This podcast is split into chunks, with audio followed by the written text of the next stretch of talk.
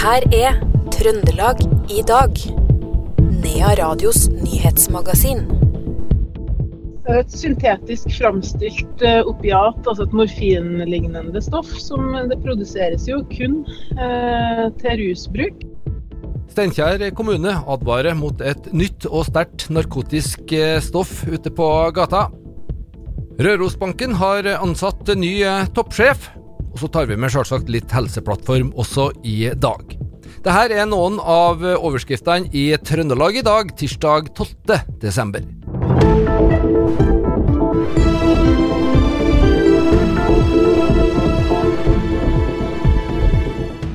Legevakta i Steinkjer har fått flere henvendelser om rusrelaterte overdoser de siste par ukene. Kommunen skriver i en pressemelding at det kan ses i sammenheng med et nytt stoff på markedet, metonitasen. Her er kommuneoverlege Nina Kjenstadbakk Steinkjer. Nei, Det er vel en uh, kombinasjon av flere ting, der man ser uh, over veldig kort tid flere overdoser på legevakta. Noe som i seg selv er ganske uvanlig på Steinkjer.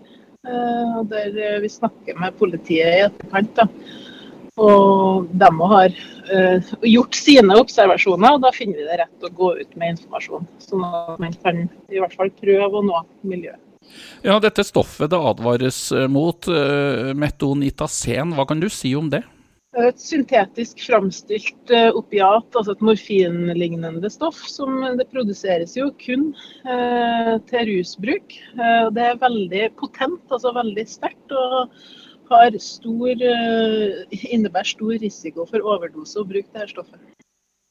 Har dere sett det i miljøet over tid, eller hvorfor kommer dette akkurat nå?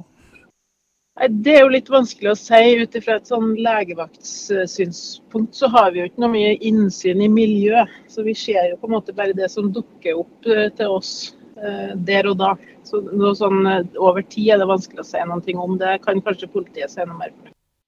Det sa kommuneoverlegen i Steinkjer kommune, Nina Kjenstadbakk Steinkjer, til reporter Knut Inge Skjem. To personer fikk tilsyn av helse etter ei trafikkulykke i Okstadbakken i Trondheim i dag. Det er politiet som skriver her på X. To biler var involvert i ulykka. Bilberger kom raskt til stedet, og trafikken gikk greit forbi i ett felt. Og Nesten samtidig kom det også melding om en bil som hadde kjørt utfor veien nord for Melhus i Lundamo. Fører var våken og oppegående, og ikke melding om personskade her. Ingen andre kjøretøy involvert i den ulykka.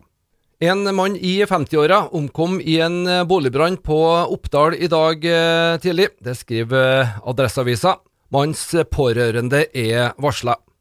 Innsatsleder hos politiet, Trond Volden, var på brannstedet og sa følgende i dag tidlig. Det har vært brann i et bolighus. Vi fikk melding klokka 03.03. Det var en tilfeldig forbipasserende lastebilsjåfør som oppdaga brann og som varsla nødetatene. Brannvesenet kom kjapt til stedet og fikk kontroll på flammene, så man berga huset i den forstand at skallet står, men det er store brannskader innvendig. Og i huset var det folk? Dessverre så var det en person som befant seg i huset, og han er funnet omkommet. Hva slags syn møtte brannmannskapene da de kom til stedet? Det var kraftig røykdykking. Ikke så mye flammer, men veldig mye røyk. De gikk inn med røykdykkere umiddelbart og fant etter kort tid den omkomne. Og ikke flere folk bodde i huset? Ikke flere registrert bosatt i huset. Røykdykkerne har gjennomsøkt huset og ikke funnet noen flere, heldigvis. Er det mulig å si noe om brannårsak så tidlig? Nei, det er helt umulig. Det blir gjennomgått av kriminalteknikere etter hvert, så det er helt umulig nå. Hva blir arbeidet videre her nå?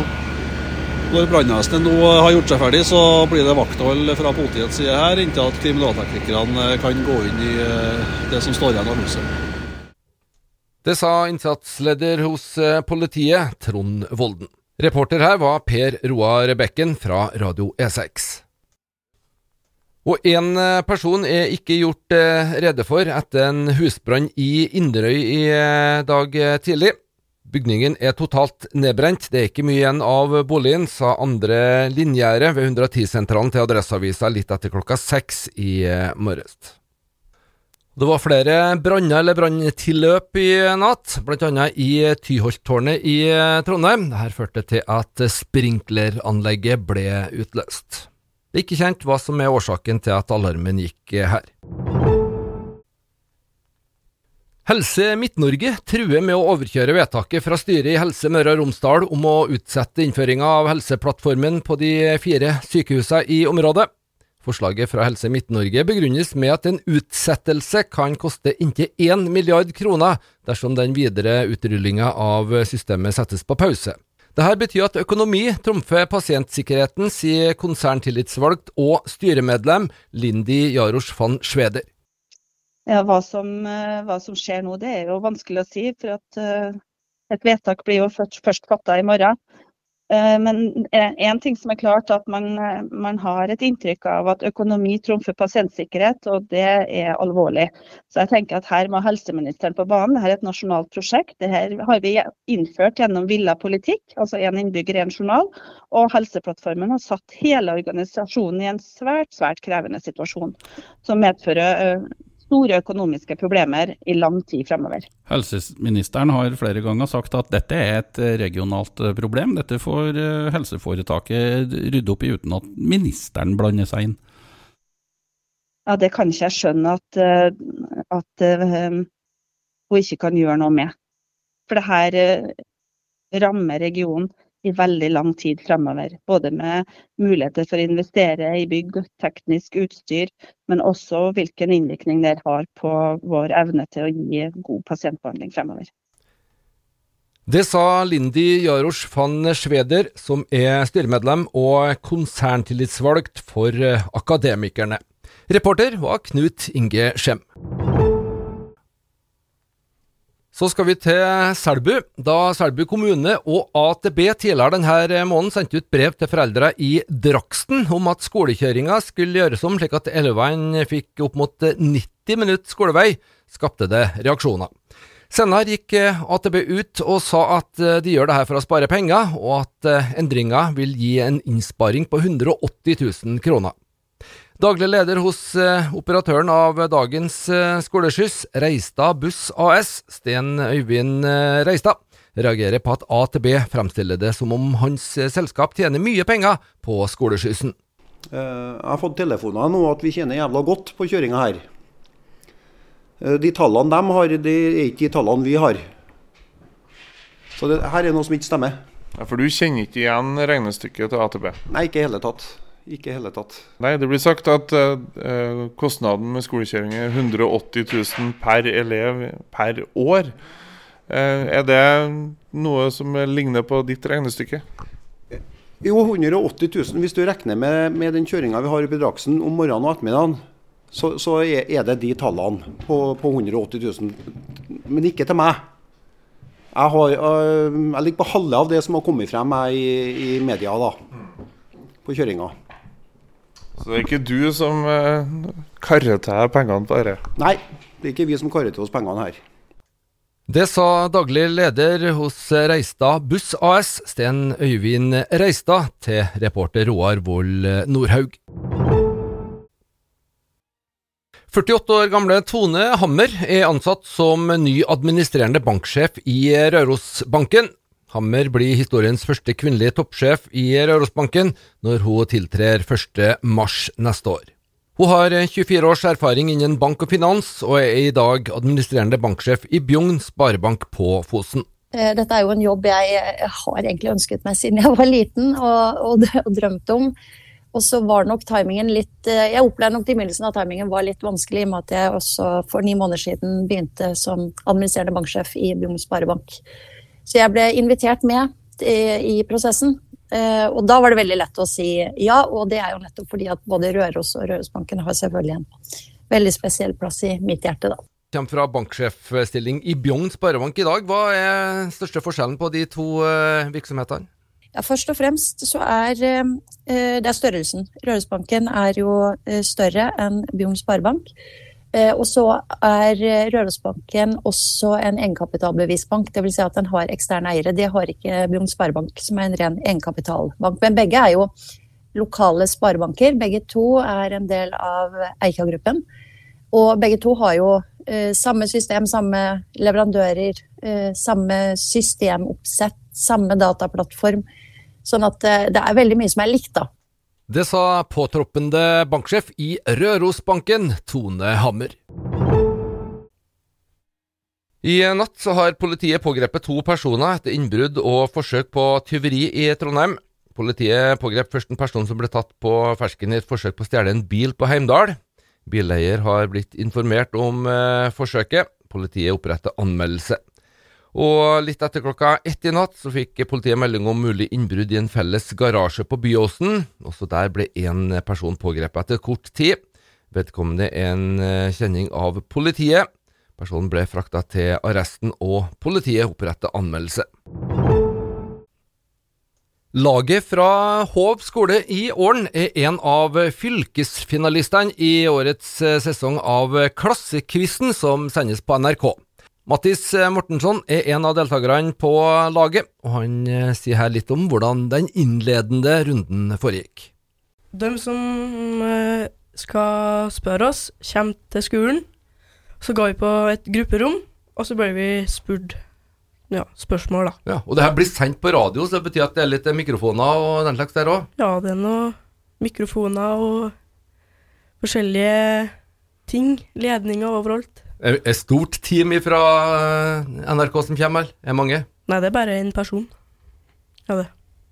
Går, går, det på direkten på radioen, eller er det opptak, da? Nei, det er opptak, ja. Og så sender de det neste dag, eller to dager etterpå. Så fikk, dere rakk å komme hjem igjen og fikk høre dere sjøl? Ja, vi hørte det på skolen. Hvordan var det? Det var fælt å høre det sjøl. dere hadde jo full score, altså tolv av tolv uh, rett. Var det vanskelig? Ja, noen spørsmål var Vi måtte ha gjette på noen måter, vi. Det betyr at det var litt flaks inni bildet her òg? Litt flaks, ja. Hvordan gikk det med de andre trønderske laga? Var det flere som hadde full pott? Ja, det var i hvert fall én skole som fikk uh, tolv poeng. Inderøy. Så det er de smarteste elevene, det er fra Hov og Inderøy? Ja, det er vel det. Det sa Mattis Mortensson, som altså sammen med da Marit Rognes og Borghild Osøyen Forodden og Patrick Grinstad utgjør eh, laget fra Hov skole. Fylkesfinalen i Klassekvisten er 11. januar. I eh, går så kom eh, meldinga om at artisten Ole Paus var gått ut av tiden. Vi har snakka med kommentator i VG, Yngve Kvistad. Det med Ole Paus at han var jo umulig å fange politisk. Eh, som sagt, Han kom fra et veldig sånn eh, hadde veldig borgerlig eh, bakgrunn. da. Men det første han blanda seg med, det var jo anarkistene. ikke sant? Det var Jens Bjørneboe. Det var i det miljøet rundt der. Rundt, ja, altså rundt Bjørneboe. Og, så, og selvfølgelig da de visesangerne som på den tida var, var langt ute på, på venstresida. Men før det så var han jo var han med blant Anders Langes såkalte hundegutter. altså Han var jo med i, i den gruppa rundt uh, Anders Lange. Uh, Senere så skulle han jo ta fullstendig avstand fra Fremskrittspartiet f.eks., men det var først og fremst på bakgrunn av flyktningpolitikken deres. Han engasjerte seg veldig for, uh, for aksjoner mot utsendelse av asylsøkere og, sånn. Så gikk han til angrep på på Kristen-Norge, og, og, særlig Kjell Magne Bondevik fikk jo gjennomgå. Men uh, på slutten så stilte han seg jo på, på Hareides side i det KrF-opprøret og varsla at han eh, var KrF-velger, for at KrF var det eneste partiet han så som hadde menneskeverdet i, i sentrum. Det sa kommentator i eh, VG, Yngve Kvistad. Reporter her var Knut Inge Skjem. Og det var det vi hadde plass til i Trøndelag i dag, tirsdag 12. Eh. Navnet mitt er Per Magne Moan.